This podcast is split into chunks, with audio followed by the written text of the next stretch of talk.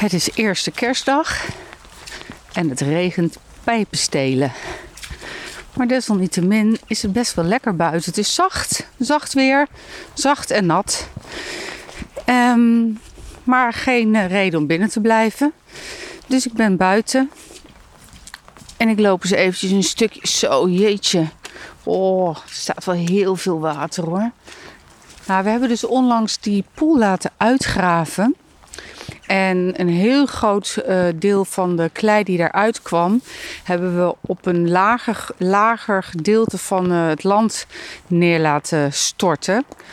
Uh, het zijn nu nog enorme hompen klei. Het moet nog allemaal geëgaliseerd worden. En een deel ehm, moet nog afgemaakt worden. Je ziet het gelijk. Dat deel waar, ehm, waar het nog niet neer is gelegd. Dan sta ik nu echt, eh, je hoort het ook sta ik um, nou, tot aan mijn enkels in het water. Dus zo laag ligt dat. Dus hartstikke fijn dat daar uh, grond nu overheen komt.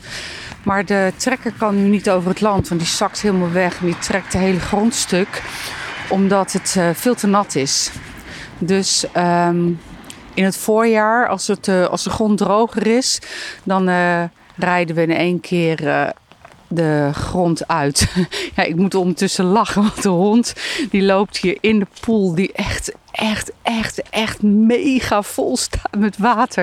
En wat gaaf is, oh, dit is wel heel mooi. Nu de regen er zo opkomt, zie je zo die uh, regendruppels in het water terechtkomen.